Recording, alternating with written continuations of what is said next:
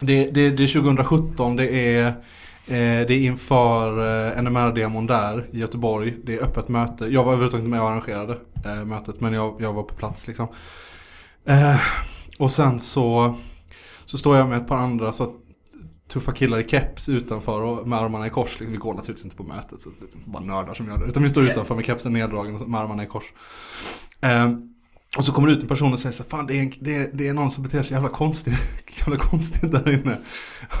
Och sen, så, och sen så går vi in och så står det en uppenbart psykiskt skör man i medelåldern och, och, och är i, liksom, han ser, han ser gråtfärdig ut. Han vankar av varandra i korridoren.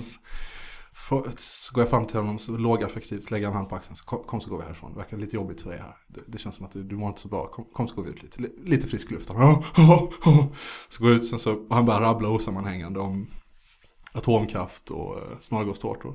Och sen så eh, hoppar han på sin cykel och cyklar iväg. Och sen så frågar jag, vad, är det, vad hände där inne egentligen? Varför, varför var han, varför hade han brustit i gråt?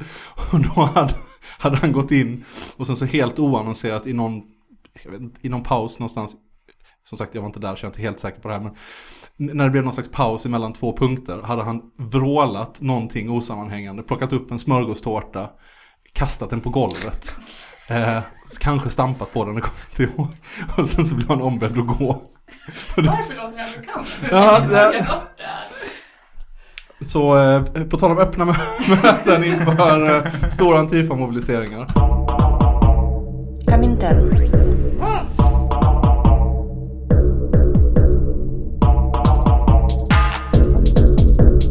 Berätta inte för mig om det svenska klassamhället.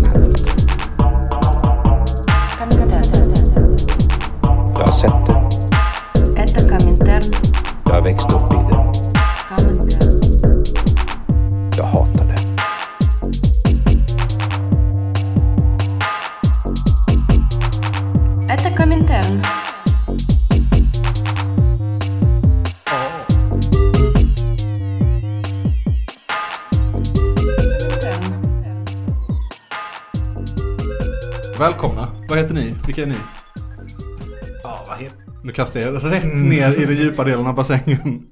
Ja, Nisse då. Adam. Ja, Nisse och Adam. Hej. Vad heter Hej. du? Nej, det gör jag inte. jag heter Malin. Hej. Eh, och eh, ska vi se här. Nisse eh, och Adam. Eh, ni... Vad heter du? Eh, och eh, Gaspar drar jag till mig idag. Gaspar har alltså antecknat namnen med små pilar så att han vet vart alla sitter. jag är glömsk. Jag kan göra den på dig också. Men också att, att våra, våra storslagna namn hittar på planer ut genom fönstret. Vi skulle skapa en omröstning i gruppchatten. Så ja. mm. Jag kanske ska byta namn idag. Ja, gör du det? Jag vill heta Jeanette. Jeanette, det kommer jag... Om jag skriver ner det så kommer jag ihåg det. Jeanette. Ja. Ja. E på slutet eller inte? Mm, på slutet. Mm, jag har också ett E i början här. Jeanette. Jeanette. Vi eh, spelar in eh, Komintern-podd. Eh, vi ska tala om eh, första maj i Uppsala. Eh, vad som händer och kanske framförallt vad som inte händer. Yeah. Mm. Kul. Verkligen. Nisse och Adam, vill ni berätta om eh, vad ni representerar för initiativ, kampanj, grupp, organisation? Ja, vi kallar oss själva ett nätverk och vi heter Stoppa marschen. Och vi bildades eh, i Uppsala tre dagar efter att NMR annonserade att de tänkte ha sitt första maj-jippo i vår stad. Och sen dess har vi varit ett gäng som organiserat oss tillsammans och, och försökt mobilisera inför det här eventet som fick ett slut förra ja. veckan. Eller upp, ett uppskjut. Ja, exakt drog upp en lista med alla människor som är vettiga och kan göra saker så blev det Stop Marchen. Varför, eh, varför blev det uppskjutet? För att eh, nazisterna vill ta ansvar för folkhälsan. Sina medlemmars hälsa. Men är inte de för... för att jag tänkte att de är inte är inte de här för corona. Är inte de en av de få politiska aktörer som gått ut och så kritiskt stöd till, till pandemin? Eller? De hade väl en demonstration i Stockholm emot regeringens eh, icke-agerande Jaha. för corona, hörde jag. Alltså det är ryktesvägar, men jag har, hört, jag har hört det. För alltså, det de sa i sin lilla presskonferens då, då la de verkligen tyngd på att de inte gjorde det på grund av någonting regeringen sagt. De dansar inte efter deras liksom, piskar. Utan de gjorde det för att det var ansvarsfullt mot deras medlemmar. Mm. De var väldigt, väldigt tydliga med. Mm. Mm, eh, Jag har inte alls orkat bry mig om NMRs eh, position i Corona. Jag har inte, jag har inte läst någonting. Jag tänkte bara på den eh, härliga nazisten som blev skjuten när han skulle försöka köra en bil full med dynamit in i ett sjukhus i USA. Så tänkte jag att de hade samma, samma ideologiska linje bara. Men det, det finns väl lite, säkert lite splittring inom nazirörelsen också kring det här. Ja, men det som var väldigt roligt när vi, vi skulle titta på den här eh, livesända då, folkkonferensen som de kallade det. Då hade de ju samlat ihop alla så här, nästesledare och alla från ledningen förutom Per Öberg för han hade tyvärr fått corona. Men det var ju så konstigt. Alltså de skulle ju... Först var det den här liksom eh, hissmusiken och en så här, öppna tv-skärm. Så här, sändningen startar snart. Och sen när de skulle börja så sa så "Ah, nu ska vi ha en liten intervju, intervjuer med nästesledarna. Och så står det liksom en kille i ruttig skjorta som jag vet inte vem det är men så här. Så Han ser det, lite ut som han bartendern i första dejten. Ja, och, så, och så kommer in en, en kille och ska så här, Och så skulle de introa den killen och han bara ja men tja du, så här, Fredrik, så här, du, är ju, du är ju lite känd för din eh, bostadssituation. Och han bara ja, ja mitt hus brann ju ner. Och, så här, det var liksom så här roast-stil på den. Och så var han där i en minut och bara ja det var det, tack. Då, Ja. då tar vi nästa. Ja, och, och samma sekund som han går ut så kommer ju nästa för då inser man att de står på en kö utanför bild, nästesledarna. Och så har de liksom tre icke-intervjuer. Vad hinner de fråga? Är du pepp? Ja, jag är ganska pepp. Okej, tack så mycket. Det var inte så mycket mer att säga. Så alla var inte sån enmeningars roasts, typ eh, du har ju ett fult skägg och sen så går det inte nästa utan Men det var typ den nästesledaren som kom liksom uppifrån Boden var så här. Ja du måste ha åkt långt för att vara här. Ja det tog x antal så här många timmar. Jag åkte klockan sex den dagen. Ja. Ja, och sen var det slut på intervjun. Ja, så blev det lite tyst, helt tystnad. Och så var det som att han, han eh, intervjuaren skulle fylla i lite. Ja, men vi behöver inte säga så. Ja, vi har inte så mycket så här. Du, kul, ja, kul att du är här. Och så gick det. idioter. Riktigt dåligt. Så att de eh, har på grund av eh, hänsyn till folkhygienen eh, ställt in sin, sin manifestation. Det, demonstration. Vad kallar de det? Kallar de det demonstration? Kallar de det en manifestation? Jag tror de... Ja, demonstration står det tror jag Ja. på sidan. De skulle gå en liten, en liten skvätt och sådär eller? Långt skulle de gå. Alltså de hade ju... Det var en sak vi funderade väldigt mycket på varför de valde en så jävla lång och konstig marschväg. Mm. Först skulle de stänga av liksom en av de största liksom, infartsgatan till Uppsala, gå i två kilometer eller tre kilometer. Och sen skulle de svänga in på alla stora gator där alla andra första maj-tåg är. Genom centrala, liksom, alltså, mittengatan i Uppsala.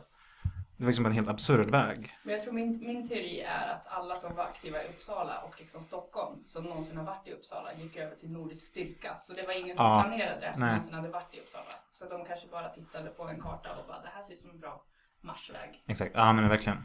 Det hade ju annars varit jätteintressant att se om Nordisk Styrka galningarna hade gått på NMRs demo. För de har väl börjat spöa varandra nu, eller? jag vet inte, det var inte någon, det var någon, eh, någon lägenhetsfest och sen så gick det lite för långt med knarket och Mm. sexet och allt vad det var. Jag vet inte riktigt detaljerna men Det,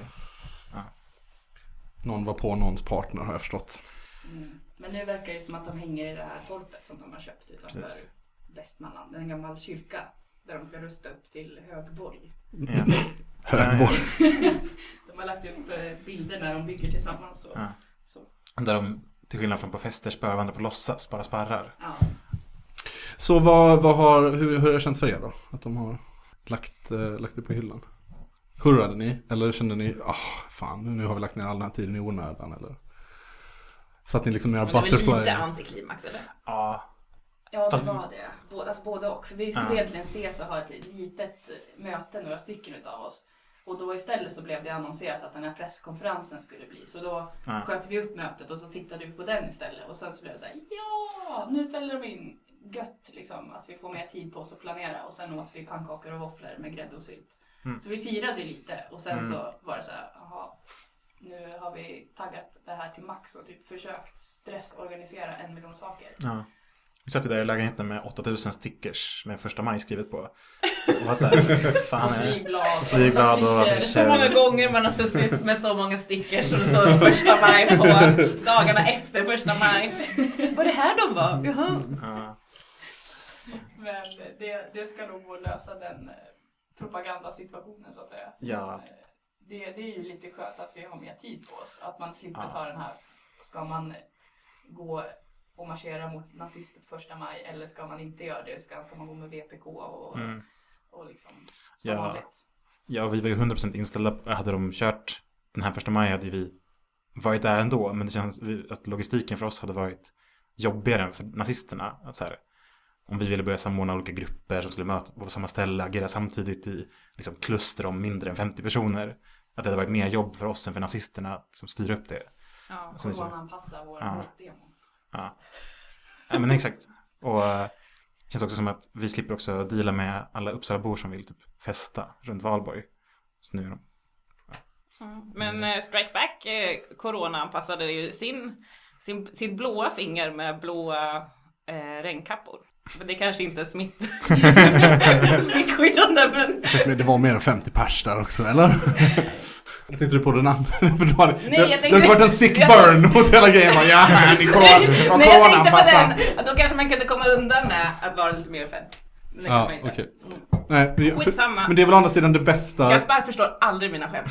Nej men det, de är ofta långsökta. Nej! Nej, okej. Det är många, alltså så här, åtminstone fyra personer som har via olika liksom, kanaler dragit samma skämt runt, mot stopparmarschen runt eh, att man sitter la ner, vilket är att de låtsas att de är mer än 50 personer. Så att liksom, sam- så här, hö, varför lägger de ner? Som om att de vore så många. Just det. Och så har liksom det skämtet kommit på Twitter, på två kommentarsfält på Facebook, Mm. så här, Trött skämt. på Instagram, alla gillar det Hur, hur, många gånger, hur många har sagt hö hö kamrat corona? Faktiskt ingen. Jo, jo Nej. det var han som eh, Corona stoppar naismen, liraren. På, på, Det har jag missat ja, helt. men man visste på... Ja. Ja, ja, men det var vad som, eh, det var vad som inte hände. Men vad, vad kommer hända då? Alltså vad, vad tänker ni, hur, vad ska ni, hur ska ni förvalta den eh, energi som har byggts upp? Eller kommer det gå att förvalta den? Kommer allting bara pysa ut i sanden nu liksom? Kommer det bli ett kanske lite bättre första maj än vanligtvis i Uppsala i år? Eller? Det tror jag. Alltså jag tycker vi har haft jättekul liksom, i det här nätverket. Det har liksom varit väldigt pepp stämning och vi, så här, vi ska fira första maj ändå. Eh, vi håller på att fälla upp en text om det idag och vi ska börja som, publicera olika tips på hur man kan göra små egna antifascistiska aktioner på eget håll, coronasäkert. och eh, men vi är ju här och snackar. Eh, vi planerar att börja skriva, hinna- vi hinner skriva mer saker. Liksom att publicera texter och få sånt har vi inte tänkt på så mycket men nu har vi verkligen möjlighet till det. Så vi mobiliserar vidare. Definitivt. För att eh, det är ju ändå en, en sån en grej som Ja men en vedertagen sanning att en, eh, en bra antifamobilisering kan liksom köra igång grejer i en stad som kanske annars är lite trött.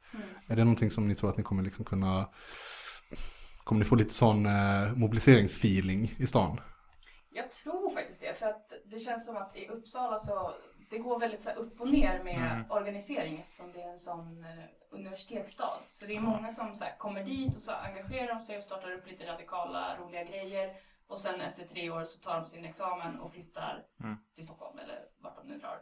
Eh, och så dör saker ut. Så nu har det varit en liten så lugn period i Uppsala att det har saknats så radikala organiseringsalternativ. Så jag tror att det att, det, Mm. att vi har fyllt ett litet eh, tomrum som har funnits. Ja. Liksom. Så absolut, det kommer vara mobiliseringspepp tror jag. Mm. Det känns ju också som att alla människor som alltid varit i Uppsala och alltid varit organiserade har liksom så lång historia med varandra att det krävdes någon sån här grej för att alla de skulle sitta i ett, samma rum och inse att så här, fan vi är alla ganska vettiga, vi kommer bra överens så det här.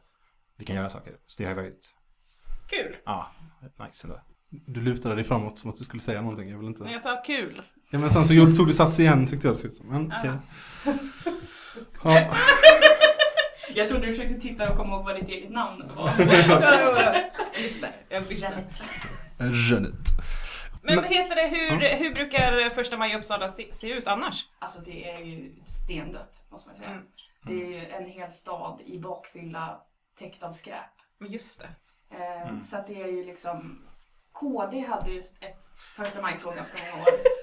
Eva? Familjens dag kallar de det. Familjepicknick hade de. Så att det var så här, vänsterns tåg kom ifrån höger håll, nerifrån ån och så kom KDs tåg eh, och så möttes de och liksom hittade åt varandra och sen stod Fi på torget och försökte hålla ett torgtal. Och sen så har det varit eh, ett litet, eh, jag vet inte om det har varit SACs eller något autonomt Ja, tåg. frihet till första maj. Det var SAC, Ingen människa illegal, Allt åt alla, SUF. och alla andra som kände sig blandat anarkister. Mm. Ja. Men det är inte så stort i Uppsala med andra ord. Nej. Sen var det så Röd Front dök upp. Satt i eh, Slottsbacken. Mm. Så var kommunisterna och kommunisterna liksom. Mm. Men för att eh, eh, jag tänker lite vilka, vilka är det som har varit involverade både i ert nätverk men har det poppat upp andra nätverk också? Eh, har ni haft några kul fejder med de nätverken? Ge oss lite skvaller nu. ja. Nej, alltså det som var, det var ju att typ Grön Ungdom och Liberalernas ungdomsförbund la ju upp något event så här, skitfort, typ samma dag som var så här inga nazister i Uppsala. Vi, vi ska inte protestera emot dem, nära dem, men vi ska stå på samma plats och visa missnöje typ. Och det eventet fick ju jättemånga liksom, Ja. attending för att det var det första, så här, inga nazister i Uppsala. Ja. Eh, Och det var det enda eventet förutom vårat som fanns. Ja. Sen, sen kom det här, det var en privatperson som startade ett eget event och ville slå ihop med oss. Så det var liksom en, en egen person. Men hon, hon, var hon skrev, så vi visste inte vem det var, började så här, kom, så här, lägga upp, skriva meddelanden till oss, skriva mail till oss, lägga på vår vägg. Och så här, långt senare när vi faktiskt pratade med människan så kommer det fram så här, någonting om parti. Och någonting, någonting parti i Stockholm. När vi frågar så här, vilket, eller vad är det här för parti? Fick vi inte veta. Men de kanske skulle delta. Det kanske var hennes egna parti. Ja, kanske. Vi misstänker att det är RS. Alltså, det var exakt det jag skulle säga. Det är alltid det. man Något diffust parti. R, Ja. R, RS. Nej, men vi hade ingen konflikt med dem i alla fall Nej. som anordnade den här Grön Ungdom-grejen. Vi sa bara vi, vi struntar i att de finns och så gör vi en egen grej. Ja. Det känns inte relevant att ha med dem i beaktningen. Ja. De brukar ju aldrig dra folk heller i verkligheten. De, eh, de liberala icke-demosarna i min erfarenhet. Eller så här, de, de finns bara på papper liksom. Mm. De har, inga, de har liksom inget pull utanför nätet. Så, eh, så inga, inga kul eh, så här, nätverksmöten där typ eh, KP har bråkat om maskeringsförbud eller något sånt där skoj. Men vi, alltså det känns som att många av oss som var med drog nätverket har varit på många sådana möten där det är någon som dyker upp med en linje om flaggor eller så här, ska ha det på ett visst sätt. Så inga partier eller partirepresentanter var inbjudna från början. Och eh, när, när det var några som frågade, men så här, det, vi, vi är inte ett nätverk som organiserar olika grupper. Utan vi är privatpersoner, eller så här, enskilda individer som gör ett, en ny grej. Eh, så vi har ändå sluppit mycket av det här torra bråkandet mellan folk som säger någonting, ska ta det på ett möte, kommer tillbaka från mötet. Nej, inget sånt. Ja, vissa tycker det är torrt, för andra är det halva nöjet. Men, eh,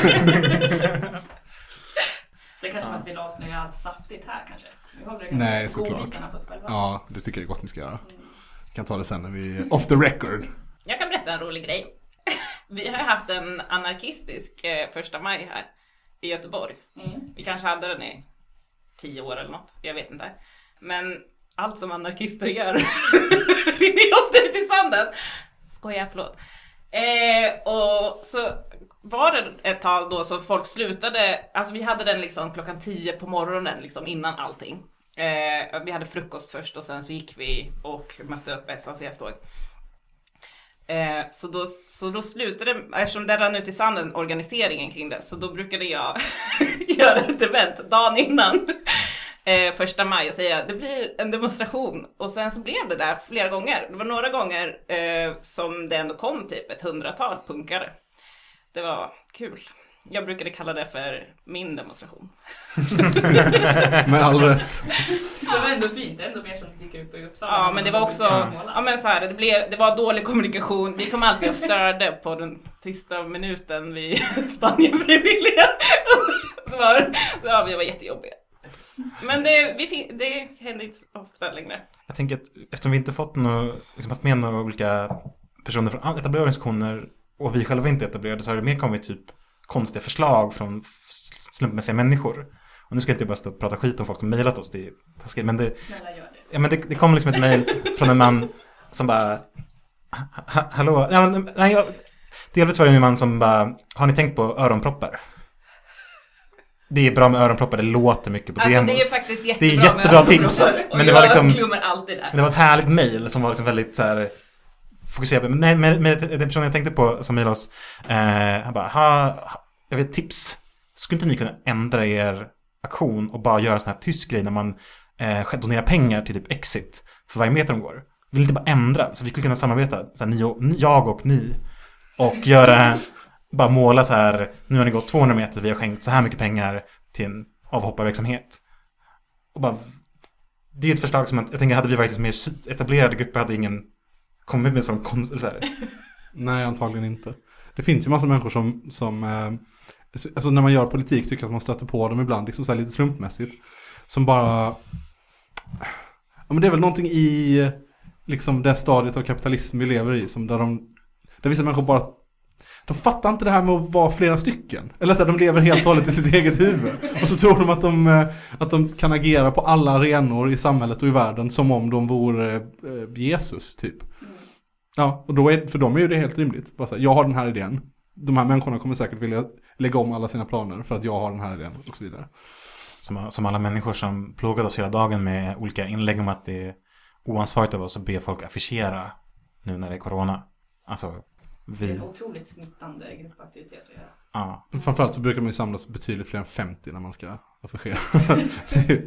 Mycket närkontakt. man går runt i som pöbel. Stänker lim och, och, och papper omkring sig. Delar snytpapper. Mm. Blandar tapetklister med saliv. ja, och sen dricker man alla ur samma hink. Det Slickar upp affischerna. vårt, eh, panelsamtal vi hade tillsammans med eh, Göteborgs Antifascistiska Front och Kämpa Stockholm. Då efter vi hade haft det här panelsamtalet som typ gick ut på att så här, vi vill inte ha något så här mjäkigt vänd ryggen eh, och därför ska vi inte gå på det här grönungdom-lallet liksom. Eh, och att vi vill vara ett, liksom, ett radikalt brett alternativ där alla sätt är bra sätt. Då kom det fram en person som hade suttit och lyssnat på era panelsamtal och var jag funderar på, har ni också tänkt på att kanske göra det lite mer anpassat för småbarnsfamiljer och ha någon form av barnaktivitet?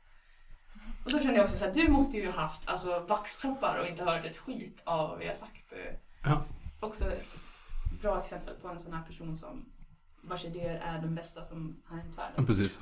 Men så, så kan det ju vara lite typ så, alltså så här, det dyker upp folk som är mer, de är studenter, de flyttar till staden, de vill uppleva saker, de vill göra någonting. Så kommer de på en studiecirkel, typ vi hade en studiecirkel om anarkism som drogs av en utbytesstudent som var väldigt peppad på så här. Inte för att hon var anarkist, men hon var bara nyfiken på anarkism. Och sen så kom den här personen var med på studiecirkeln, pratade om anarkism. Och sen så efteråt så stod vi och pratade om att planka. Så kom personen och sa, planka? Vänta, va? Men det är inte, det är inte lagligt. eh, och så det är två timmar av anarkism-studiecirkel. Men ändå efteråt tänkte att det var en rimlig, så här, försöka informera oss om att det var dumt. Ja. Men eh, det glider in lite på en annan grej som jag är nyfiken på. Alltså har ni fått, eh, vad har ni fått liksom för reaktioner från eh, samhället eller vad man ska kalla det? Alltså känns det som att, har ni snackat typ som en lokaltidning? Har ni fått glada tillrop när ni, om ni, jag vet inte om ni har hunnit affischera? Alltså sådana här grejer liksom. Finns det några sådana små solskenshistorier? Eller eh, pessiga grejer som har hänt också för den delen? Ja, vi hade ju en intervju med i Aftonbladet i Uppsala. Och den var, den var väl härlig, alltså vad, vad jag minns. Ja, det var bra citat, lite, här- lite röja citat. Lite så här, eh, vi organiserar oss för eh, demokrati, frihet och allas rätt att säga nej till nazister. Lite så här, det var innan vi var mediatränade, Exakt. som nu. Innan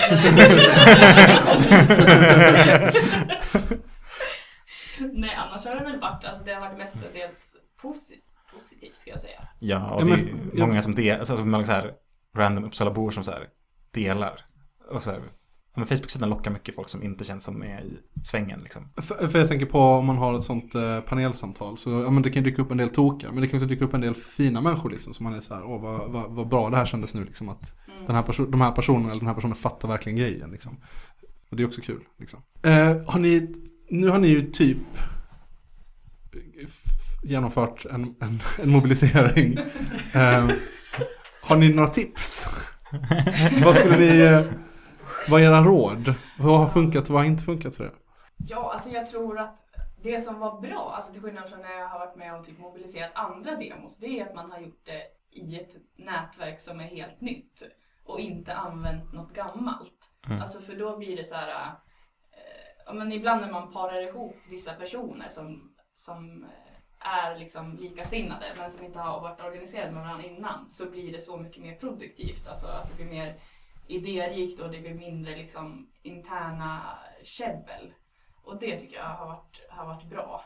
Eh, och gjort det liksom eh, också produktivt. Att det har varit nya människor med som inte bara har varit så här ja, den här har varit med i Ingen illegal för tio år sedan och sen Allt åt alla och sen har han varit med i det här och det här och det här.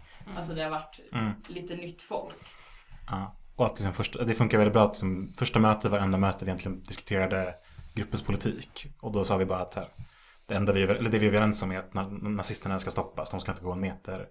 Eh, och det ska vi göra liksom, med bred mobilisering men också liksom, direktaktion, liksom, direktaktion. Och det sa vi att så här, om man ska vara med i nätverket och jobba så ska man gå med på den linjen. Och sen så har vi inte snackat om det något mer. Sen har det bara varit full verkstad. Det funkar bra. Alla vi har pratat med, alla, alla organisationer vi har hört av oss till så här, har varit väldigt snälla och peppa. Så det har även dykt upp random människor har hört av sig till oss så här. Vi är en stor grupp som kan hjälpa till med juridik. Eller så här. Vi är, vi har en stor tryckpress som vi kan printa massa flyers och swisha åt er. Så här. Om man gör något kul och är pepp så kommer liksom massa pepp till en. Det liksom känns genom hela mobiliseringen. Eh, hur har det varit och, och så här, i, i kontakten med, med grupper som inte bor i Uppsala, Stockholm? Har det varit liksom svårare att mobilisera där? Alltså det har ändå varit ganska, ganska bra. Alltså det är Mm. många som var så här positiva och var så här, ja men schysst att ni hörde av er, det är klart vi kommer, ett Mm. gäng. Så här. Men sen när det började komma mer av det här eh, sluta resa, stanna hemma och så här, folk blev ju ganska oroliga. Typ så här, vi vill komma men vi vet inte hur det, Mm. hur det blir. Men alltså överraskande, många var ju glada och villiga att få att åka och hjälpa till. Sen var det ju några som var liksom downers. Som, Mm. Men, men det tänker jag är eh, något som jag tycker är kul, är liksom typ att ni fortsätter. Mm. Alltså för att nu känns det som att så här, ja men allting känns lite svårare. med typ så här, gå på möten bara så här, lokalt så kommer det typ jättelite folk för att alla är sjuka eller, eller inte vill komma ut. Ja men så här, Mm. det är ju mycket svårare tider nu. Eh, men ja, vi kände, alltså vi hade ju, ehm, liksom ett möte efter att nazisterna ställde in och det var ändå ganska pepp stämning i gruppen. Vi var så här, ja fan nu har vi tid att vara proaktiva, vi kan börja ha fler så här, studiecirklar, vi kan börja ha, skapa mer material, vi kan så här, göra massa häftiga saker och engagera oss i andra frågor som vi också bryr oss i, liksom om, som vi också anser som en del av liksom, vårt antifascistiska, vår antifascistiska politik. Mm. Eh, också stor shoutout till uh, Göteborgs antifascistiska front som varit så jävla schyssta. Ja, De verkligen. var så tillmötesgående och peppa och samarbetsvilliga. Också kämpa Stockholm. Men... Mm, det är jättemysiga kamrater. Vad, gud vad sarkastiskt det lät. Jag menar det på riktigt. Jättefina människor. de är jättegoda. Ja. Eh, men eh, vad heter det? Ja, för att, men, men det är ju kanske inte, sista ordet är kanske inte sagt eller? Eh, det var ju inte bara, NMR har ju inte lagt ner som organisation eller eh, sagt att Uppsala nu är en förlorad stad liksom. Nej. Utan, Det ska bli en storslagen nationalsocialistisk zon. Det var det de sa i folkkonferensen. Så det är vi väntar på när de plan, planerar att göra det. Med tanke på att det inte... Alltså, vi ska, börja, vi ska spela in lite så här informationsmaterial alltså, om saker att göra i väntan. Men vi behövde åka, liksom, först när vi kom hit till Göteborg hittade vi en Nordfront-sticker som vi kunde göra en film när vi satt över. För det finns inga Nordfront-stickers i Uppsala. Jag har sett ett, en Nordfront-sticker per år jag bott i Uppsala. Typ. De är inte där. Nej, Det finns inga nazister i Uppsala. Eller det, gör, Det- det gör det, men de... det gör de. De är lite hemligare. De som kommer dit och visar ansiktet är ju bara folk från Stockholm och typ Tierp. Ja. Vad var frågan nu igen? Jag har helt på den. ja men jag tänker om eh, vad, vad ni tänker hur liksom er beredskap framåt är så här. Eh, om de säger att de ska göra någonting ändå. Har, har ni snackat om det, hur ni ska bemöta det och sådär? Om ni ska liksom bevara nätverket i någon form eller ska ni fortsätta liksom träffas eller avvecklar ni det nu eller utvecklar det eller vad, hur går snacket? Det är ju, alltså, vi ska absolut fortsätta träffas och vi kommer fortsätta att eh, mobilisera och förbereda oss inför att, eh, inför att det kommer hända. Så vi vet ju inte när, om det är liksom om ett halvår eller om det blir i slutet på sommaren eller när det blir. Men eh, vi kommer ju bara vara ännu mer liksom, redo och ännu Mm. bättre. Ja, 100 procent.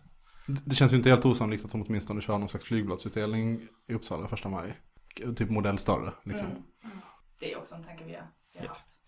Och om de gör det så, så kommer vi nog veta det. Ja, vi gör fortfarande första maj-planer. Så Ja. Eh, Då tänker jag att vi eh, kan snacka lite allmänt om, eh, om Uppsala. Eller det har vi, vi har ju berört det lite grann. Men eh, eh, för mig är det liksom lite en, eh, en blind fläck på kartan. Liksom. Jag, jag vet inte så mycket om vad som, vad som finns i Uppsala, vad som har funnits i Uppsala historiskt, vad, vad är liksom Uppsalas radikala... Det finns Historia. ett universitet. Det finns ett universitet, Mhm. så mycket vet jag. Eh, men inte så mycket mer. Jag har aldrig varit där till exempel. Vi har en nystartad eh, SUF-grupp. SUF Uppsala finns igen. Shoutout. De är jättebra. Shoutout. Nej, Jag tror du vet mer om Uppsalas... eh, Alltså, Uppsala hade ett RKU. RKU upphörde. Eh, Uppsala hade ett Allt åt alla. Allt åt alla upphörde. ja, men det är inte, alltså, Det fanns ett kämpa Uppsala, men det det upphörde. upphörde. Ja. Så Ehm, det, det är många saker som uppstår, men också många saker som upphör kan man säga. vi har en ingen människolegalgrupp. Vi har eh, SOC, eller Uppsala LS. För att det, det är ju lätt att, alltså, om man vill jämföra Uppsala så vill man gärna jämföra Uppsala med Lund. Men de har, Lund har ju en mycket mer, eh, jag vet inte om det här är taskigt, men det har ju en mer levande historia av, Mm. av, av eh, revolutionär vänster. Liksom. Eh, som säkert har mycket att göra med närheten till eh, Köpenhamn, tänker jag. Fast å andra sidan, Sto- Stockholm ligger nära Uppsala också. Och det är också det som är problemet. Alltså det, det är så här, många eh, som är liksom eh, sugna på att organisera sig, som är liksom radikalare än de är i Vänsterpartiet. De åker ju till Stockholm och organiserar sig i Stockholm. Alltså om man typ går på någon fest på Cyklopen eller något event på 44 då är det ju liksom alltid typ 10 pers eh, ifrån Uppsala där som, som skulle kunna startat en förening i Uppsala och gjort någonting. Men istället så vill de åka till Stockholm. Eh, så att det, och det är just det att så här, jag tror att också i Lund så finns det ju liksom en vänsterdel av studentlivet. Mm. Eh, liksom med Smålands nation och sådär. Och i Uppsala så är det ju bara party, partynationer. Mm. Eh, det finns inget sånt i nationslivet som är särskilt radikalt. Eller Kalmar nation, lite. Ja, Ja. Alltså de hade några kommunister som var med där förut. ja precis. Ja. Och de hade en liten queerklubb som sen blev en technoklubb. Eh, Men eh, ja, det, det var det. Mer om ja. Ja. Men det känns som att Uppsala har ganska kort organisationsminne också. För man, alltså, man träffar inte jättemycket äldre aktivister, men när man väl gör det så kan de verkligen skramla fram så här långa historier om organisationer som var superaktiva för typ året innan man själv flyttade till Uppsala eller kom till Uppsala. Eh, som liksom bara ingen kommer ihåg. Ingen vet så här. Nej men det är ju ett ansvar som äldre aktivister har att eh, ha en god överlämning. Och jätteofta så händer ju inte det. Och det är ju också därför det liksom så här ebbar ut väldigt mycket i mindre städer och, och så. Ja, men jag vet att det fanns, alltså, en sak jag var väldigt nyfiken på, så här, det fanns som kulturföreningen Kaos som var en anarkistgrupp som framförallt hade som verksamhet att bråka med alla frikyrkor som fanns i Uppsala. Och att de stod på Stora torget och varje helg, eller varje söndag utsåg eh, Uppsalas Jesus. Så var det liksom massa, massa punkare på en scen. Och så var det liksom någon konferencier som röstade om vem av dem som liksom blev Jesus för veckan. Och att de liksom hamnade med i handgemäng med de pingstkyrke, eller fri- frikyrkopersonerna som också var på torget. Att det liksom blev slagsmål vid något tillfälle. Men det här är liksom också bara ryktesväg. Pågår sådana saker. Men eh, har, har det med, eh, med bristen på eh, mötesplatser att göra? Eller? För att jag tänker att det, det måste ju vara en så här jätteviktig del i den överlämningen. Att det finns de här gemensamma platserna där man möter folk som är kanske är på väg in i familjelivet, inte riktigt kan vara så här gatuaktiva på samma sätt längre. Men de fortsätter att hålla fiket öppet eller de går fortfarande på sociala centret på föreläsningar. Och om det saknas en sån plats så blir väl det svårare. Saknas det en sån plats i Uppsala? Eller finns det en sån plats som skulle kunna fylla den rollen men kanske inte gör det? Alltså det finns ju, det finns ju ett skitbra ställe som heter Ungdomens hus i Uppsala. Mm. Men där är det ju liksom mest eh, lite yngre personer som är målgruppen för Ungdomens hus. Men Mm. alltså det är ju många av oss som är lite äldre som också har hängt där för att det är liksom Mm. en bra mötesplats och de är väldigt liksom softa och inbjudande. Och sen så nu sen, jag vet inte när de startade, så har vi ju också ett eh, ställe som heter Kulturhuset Femman Mm. eh, i Uppsala som ska vara lite som Uppsalas minicyklopen, tänker jag. Ja. Eller? Ja, jag vet inte, jag ja, men, inte uttala mig om det. ja, men, nej men precis. Alltså, men femman har ju det problemet att det är iskallt och att deras eh, hyra täcks av band som repar vilket gör att det är omöjligt att ha möten eller föreläsningar för det är liksom Ah. är konstant punkande i... Eh, femman är jättebra. Det finns pengar i punken men, men det finns också begränsningar. Det är Mm. kanske det som är. Men jag tror också att så här, många, många som engagerar sig engagerar, engagerar sig i liksom studentföreningar och då kan ju de mötas liksom, ja men vi möts på Blåsenhus i rum 3, 4, 6, 8, 6 i lärarkorridoren. Så att det finns ju många mötesrum Mm. men inte som är tillgängliga för alla. Nu när vi sitter och pratar om det, blir lite, både lite nervös och taggad på att massa människor ska bli arga på oss. Så bara, fan, här, vi håller visst på i Uppsala. Sitter ni och pratar, dyker upp och börjar göra saker. Det var, Men då kan de vara lite mer öppna med Det kan vad de- de gör, så att fler folk också kan göra. Det är ju lite, man har ju ändå gjort det svårt för sig om man har ett socialt center och sen så vet inte ens de som är så insyltade i saker och ting om att det finns. Då har man gjort något fel. Ja, nej. ja, nej. Något gömt socialt centrum finns det inte. Det vet vi ju per definition. Ganska säker. Om det är någon som har Hör ett av er. mejla oss. Sto- Stoppa marschen. Att, nej. Har ni någon eh, uppmaning eller någonting ni vill eh, kabla ut till folket? Folkets massor? Vad vill ni säga? Nu kan ni, nu kan ni till exempel dra lans för eh, jag vet inte, om ni har en Kronstadt-linje, om ni, jag vet inte, om ni tycker att eh, eh, Pepsi är bättre än Cola och så vidare och så vidare. Nu får ni utrymme. Det är ändå typ så 500 lyssnare eller sånt där på ett tag.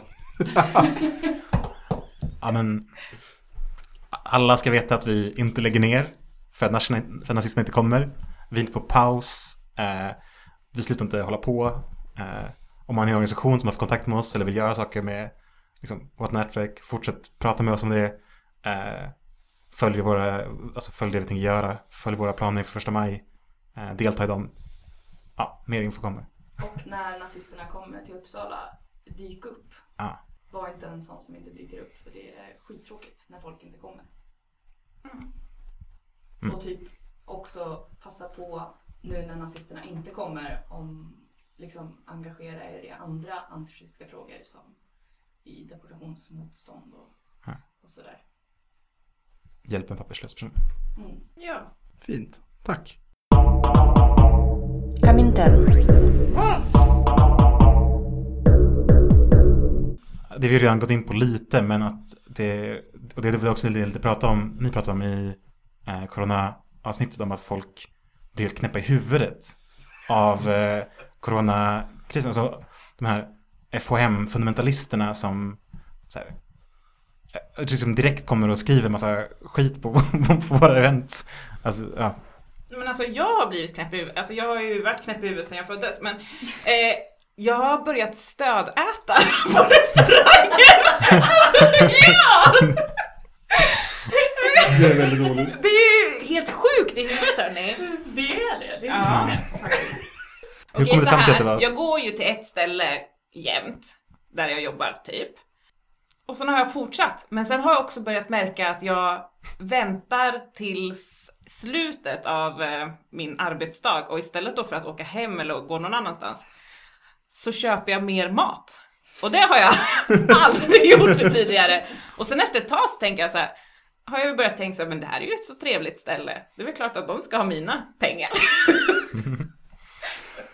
Det är ett sätt som eh, galenskapen manifesterar sig i Ja. coronatider. Ja. Ett annat är eh, vad kamrat Adam kallade för FHM-fundamentalister. Utveckla. Ja, men att de har liksom blivit eh, Agnes Wolds liksom eh, väpnade styrka som jag vet inte, jag har inget roligare att säga om det men Nej men jag vet inte, som ni la märke till här i Göteborg att det är någon tok som har satt upp eh, All makt åt Tegnell, vår Ja. befriare. Eller så att det finns Ja. en sån märklig hjältekult runt eh, ett, ett litet utvalt antal. Den personen har ju också satt upp eh, gamla eh, 30 september affischer. Så det är samma? Det är en kamrat, eller? Då? Eh, jag vet inte om det är samma, men jag var, alltså varje måndag tror jag det är så river de ner allting. Ja. Och sen var jag där när det bara var två stycken olika affischer uppe och det var dem och den. Ja. Vad Ja. intressant. Ja, eh, kamrat, sluta upp med att dyrka Tegnell, fortsätt att dyrka antifascismen. Jag förutsätter att det är en lyssnare. man kan gå ut själv och affischera. Man kommer inte smitta någon. Kan- Stickers smittar inte. Nej, och man kan väl Eller om också, ingen slickar på dem. Nej, precis. Man kan väl också vara tre, fyra friska människor också som går ut och affischerar. Eller så här. För vi, vi gled ju in lite på det där. Vad är, hur skulle... Nu ser det ut som att eh, den globala ekonomin håller på att gå fullständigt åt helvete. Eh, det betyder kristider, det betyder ett eh, välbeprövat, eh, liksom eh, en välbeprövad kor- koreografi av vänsterpolitik. Eh, med massdemonstrationerna som sin, som sin främsta komponent. Men det, så kommer det kanske inte se ut i framtiden. Hur ska vi göra politik, masspolitik i eh, pandemitider? Och det är ju en huvudvärksfråga, tänker jag. Alltså, det blir ju väldigt svårt att, att, att massmobilisera utan, alltså på det sättet med liksom ett gigantiskt så här, folkligt stöd när det finns då de här, eh, vad kallade du det? Folk, FHM-fundamentalister. FHM fundamentalister. som tycker att allt som man gör i grupp är sämst. Och att så här, gå inte ut om din regering har sagt åt dig att inte gå ut. Då, då blir man ju liksom the bad guy bara genom att finnas på gatan. Och då är det svårt att organisera aktioner och Alltså även om det går att mobilisera mycket saker på internet och så här, sju namninsamlingar eh, så, så tycker inte jag att det känns som ett vettigt sätt att spendera all sin tid på. Det måste ju finnas mer, liksom, mer eldigt än så. Och alla platser är det ju inte förbud på att vara Nej. eh, mer än 50 personer. Än så länge är det till exempel inte förbjudet att ha en privatfest med över 50 tror jag. Och också arbetsplatser. Man skulle kunna gå och masshoppa på Nordstan. Stödshoppa på H&M. nu när de har visat sitt gröna ansikte i det här. Eh, vad är det de, eh, de skulle se över, de ska inte ha någon utdelning och skulle se över chefernas bonusar. Mm. Är det Nu så, måste de stora företagen ta lite ansvar för vad som händer i den här krisen. kommer de ge de bangladeshiska barnen de har i kedjor en extra klubba också på lördag kanske? Antagligen. Det beror på, det får ekonomerna på H&M sätta sig och studera möjligheterna för att göra. Men det är en liten, ett litet förslag jag slänger ut sådär i kristider. Men det känns som att det man behöver är någon sorts egen åsikt om vad som är rimligt liksom, rörande smitta. Det är väldigt konstigt att så här, vi vill liksom, göra revolution mot staten, eller välta staten samtidigt som vi har väldigt mycket hänsyn för statens rekommendationer i en fråga. Så här. Fine att ta hänsyn, men då måste måste göra för sin egen position. Ja, exakt, exakt. eh, Det är väl och det känns som, liksom, en liten lucka där. Eh, som eh, ja men NMR visar väl föredömligt hur man, man resonerar i den situationen. Man kan ta ansvar för folkhälsan och utifrån en egen utan att behöva liksom luta sig på, på Tegnell. Eller säga väldigt tydligt att man inte bryr sig om staten, samtidigt som man gör exakt det staten vill att man ska Ja, göra. precis. För eh, staten håller på nu och eh, försöker ge, undersöka möjligheterna. Jag vet inte riktigt hur långt processen har gått. Det är väl läckt ett mail eller vad det är. Eh, från, det var säkert Moderaterna som läckte det. Eh, att sossarna har börjat försöka öka eh, regeringens makt visavi eh, eh, riksdagen, eller hur? Har jag, har jag förstått det här rätt? Mm. Eh, Så att de vill kunna pusha igenom mer grejer utan att behöva gå igenom liksom, eh, en ordentlig omröstning. Eh, Så att, eh, Och det tycker ju Moderaterna är dåligt. ja om inte de hade varit i regeringsställning, Exakt. var det, då hade de tyckt det var jättebra. SD tycker ju att det är bra. Är det för att de eh, inte gillar demokrati så mycket? För jag undrar liksom, gillar de sossarna så mycket? Att de ändå skulle kunna lita på det. Alltså de är ju ändå så här, de har ju inte synts till så mycket i den här krisen. Och så nu tycker de att det är en bra idé att regeringen ska få lite mer makt. Men inte det för att de, de är lite slugare? Eller så här, Moderaterna har väl problemet att de fortfarande på pappret är liberaler och därför måste vara för individens frihet i några frågor i alla fall. Typ. Eh, Men SD har ju inte riktigt den, det oket, alltså det Nej, okej, ideologiska. här, SD har ju, det känns ju som att de har tappat en del. Ja. Eh, folk eh, förstod att de inte var någonting att hänga i julgranen. Och att så här, att eh, eh, regeringen och riksdagen har, eller regeringen har ju ändå liksom inte tappat så mycket Mhm. förtroende. Och att eh, SD vill väl rida på det också liksom så här. Det, vi tycker också att de är helt okej. Men det finns, jag tänker att det finns två sätt att se det. Å ena sidan, det finns en vänlig, eller så en tolkning där man ser SD som ganska smarta och sen så en där man ser SD som, som ganska dumma. Och den smarta är ju, eller man kan börja med den dumma och det är bara så att de är så här fascister och tycker att det är klart att regeringen ska ha mer makt över eh, riksdagen. Så här. Men, det, men det kan ju också vara så att de tänker så här, ah, eh, historiskt sett under kriser så är det så att den sittande makten får ett uppsving i förtroende. Och sen så, eh, men efteråt, när det visar sig de dåliga sakerna som alltid händer, liksom, oavsett hur bra eh, en kris hanteras, så, så dyker alltid upp bilder på typ så människor som dör och grejer. Då får alltid de som leder en dipp. Och så tänker SD, ah men vi kommer vara bäst positionerade för att ta nytta av den dippen. Då kommer vi glida in i regeringsmakten med en massa färdig fascism. Eller ja, en massa färdig auktoritär. Alltså, så om de är så, smarta kanske de är, så smarta kanske de inte. Jag vet inte. Men, eh, eller så finns det en blandning liksom. Det finns några som tänker så. Jag tror på en blandning. Jag är lite inne på din linje men också att, så här, att de har liksom ingen i partiet som är tillräckligt bra på att uttala sig om saker som har med det här viruset att göra. Att de liksom munkavlat alla och uttala sig om corona för att de ska kunna liksom eh, säga vad som helst efteråt när de har lite mer på fötterna. Så de vågar inte nu. Men också att de tror att de kan vinna på det och ta över regeringsmakten tillsammans med de andra fascisterna. Liksom. För att nu, om SD hade uttalat sig så hade det bara varit sådana fradga-tuggande, eh, vad heter det, vad heter det, sådana streck i luften, flygplansgrejer, vad heter Ja. de? Hjälp mig. Eh, chemtrails Chemtrails, det hade bara varit sådana chemtrails-freaks. Alltså det är ju...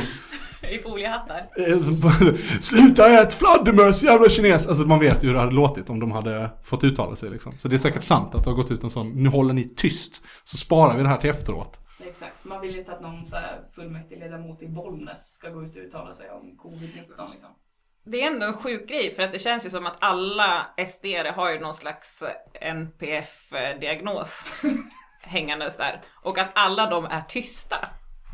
Men vem vet vi att det är så att de här bollnäs sd inte har sagt, sagt de här sakerna men bara att de för en gångs skull inte får liksom så här räkmacka in i alla mediakanaler.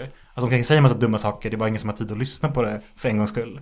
Det är säkert sant, det ligger säkert någonting i det. Vi måste forska i mer lokaltidningar. Måste läsa mer SD opinion pieces.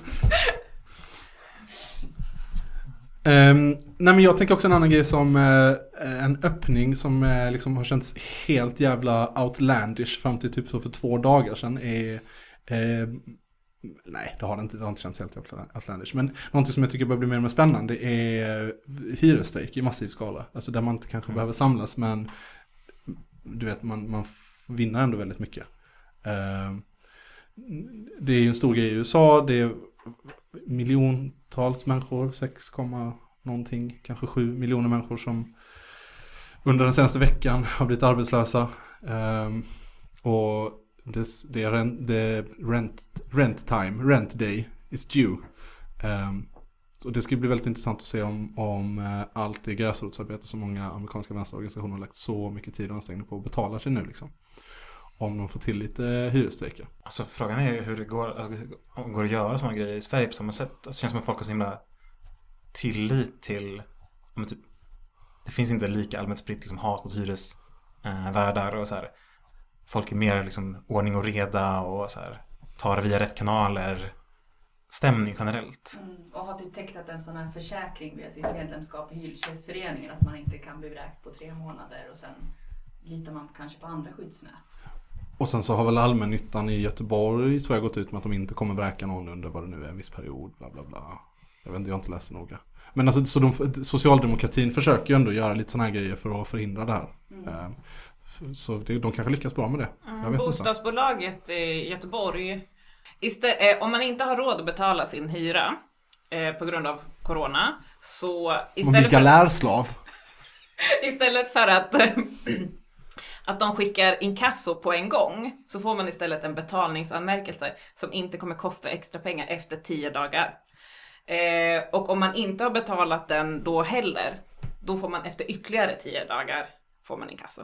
Så det är ändå 20 dagar. Wow! Wow, wow. Frågan är inte varför företaget blir galärslav då.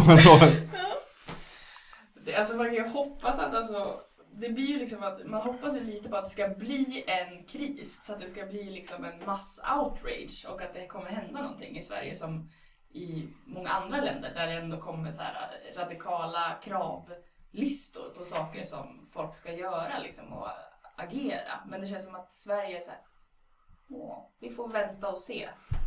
Ja, för jag tyckte att du sa någonting intressant eh, Nisse, i, eh, när vi hade lite paus om det här med att alltså, det händer alla, eller det är mycket så att livet också bara fortsätter.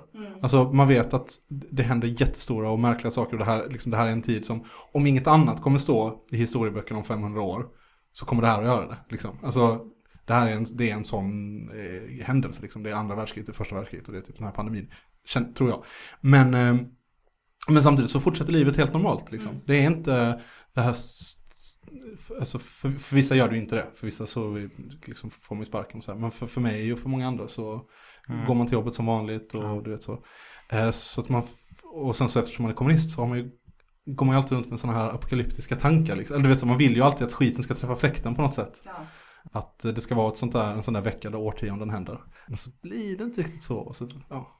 Det känns som att folk, förhå- alltså det är lite svårt att förhålla sig lite mitt emellan. Det känns som att folk antingen är så här, man måste fortsätta jobba, man, man kan inte ta hänsyn till så mycket och, man, och andra går liksom all in för krisen direkt. Så här, lever krisen, skriver det överallt, påminner vänner om olika saker, shamear vänner för olika saker, eh, delar allting. Så här, då, då är man ju liksom i krisen redan nu, men frågan är hur länge man liksom orkar sitta och småkrisa hemifrån. Ja men exakt, det finns en slags utmattningssyndrom som kommer ur det också. Det är när Ben Jerrys inte längre går att beställa hem från pizzerian med- via Foodora. Då tror jag att folk kommer börja gå ut igen. Slut. ja, men kommer de då spontant sluta upp i små aktionsgrupper om 20 och du vet så? Eller, alltså det är väl det som är... Mejla Jag pratade med en kompis igår och eh, eh, som sa att eh, alltså ändå generellt att folk börjar säga så här jävla nyliberalismen. Mycket, mycket Mm. mer i större utsträckning än vad någon någonsin har gjort. Alltså det är typ som att folk börjar förstå lite vad det är eh, det har gjort med samhället. Och att så här, ja, det gick ju sådär.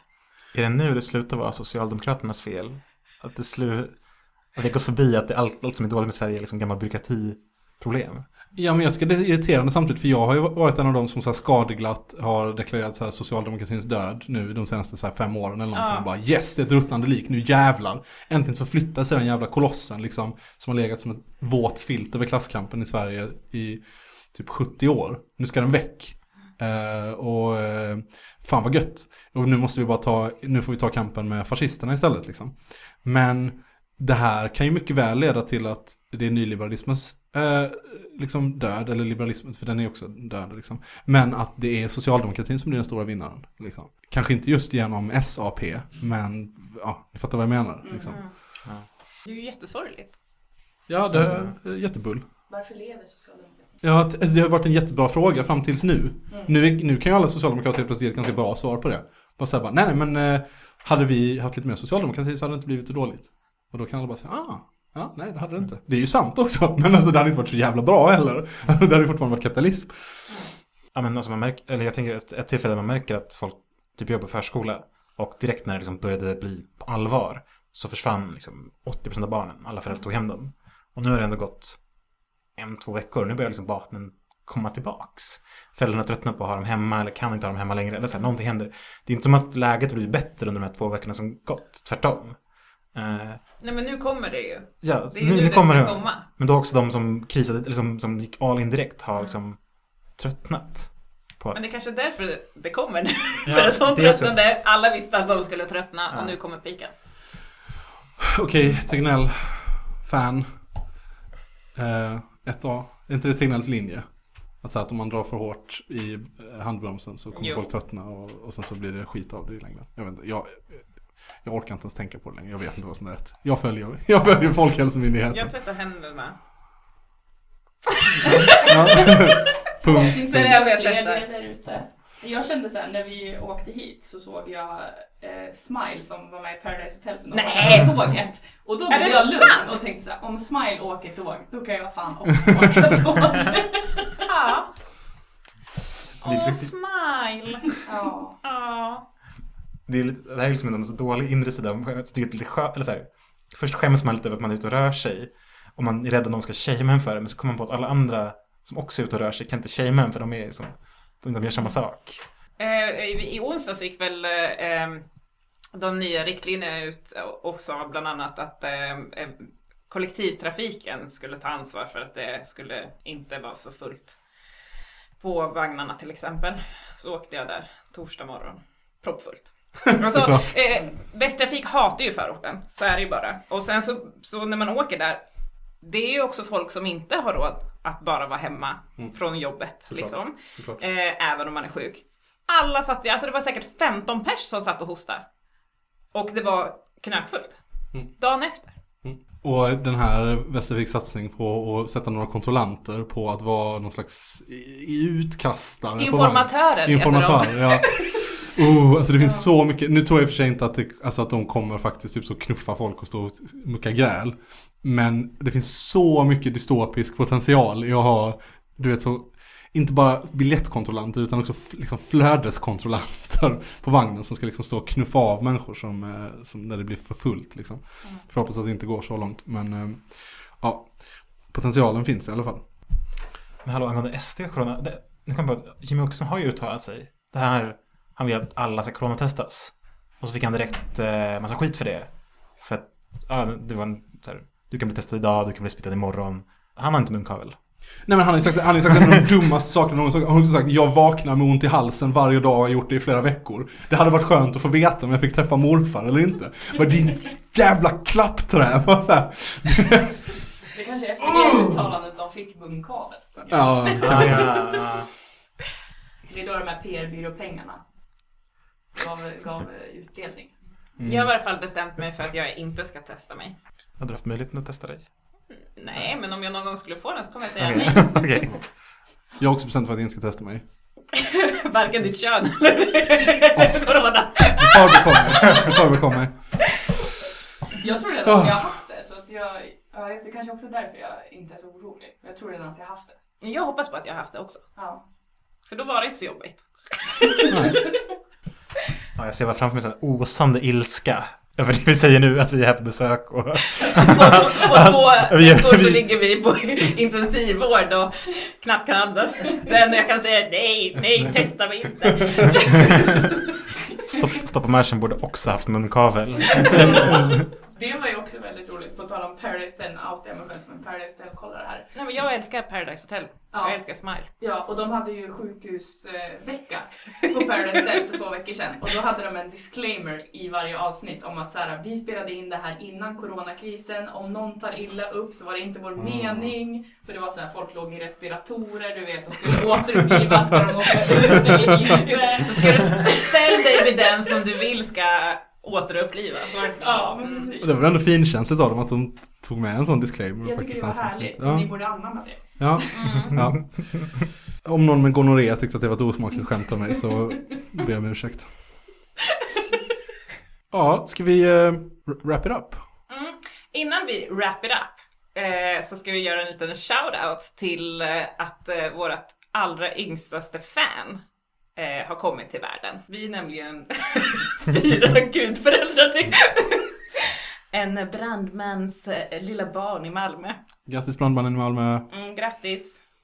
Kommer bli ett riktigt bra barn. Men... Eh, det, oj, det väl ett rimligt skämt. Eh, men eh, vi kanske också ska säga att eh, eh, jag har börjat få upp fascistpoddar i mitt Twitterflöde. Det leder mig till att tro att de har skitmycket sponspengar från sina onda eh, industrimagnat, eh, mogul, eh, backers. Eh, du måste som socialist göra din... Eller, ja, du, du måste bara som, som vanlig tänkande människa göra din plikt. Att motarbeta de här människorna. Dela, sprid, prenumerera och så vidare på vår podd. Bra! Ja, kodedisciplin.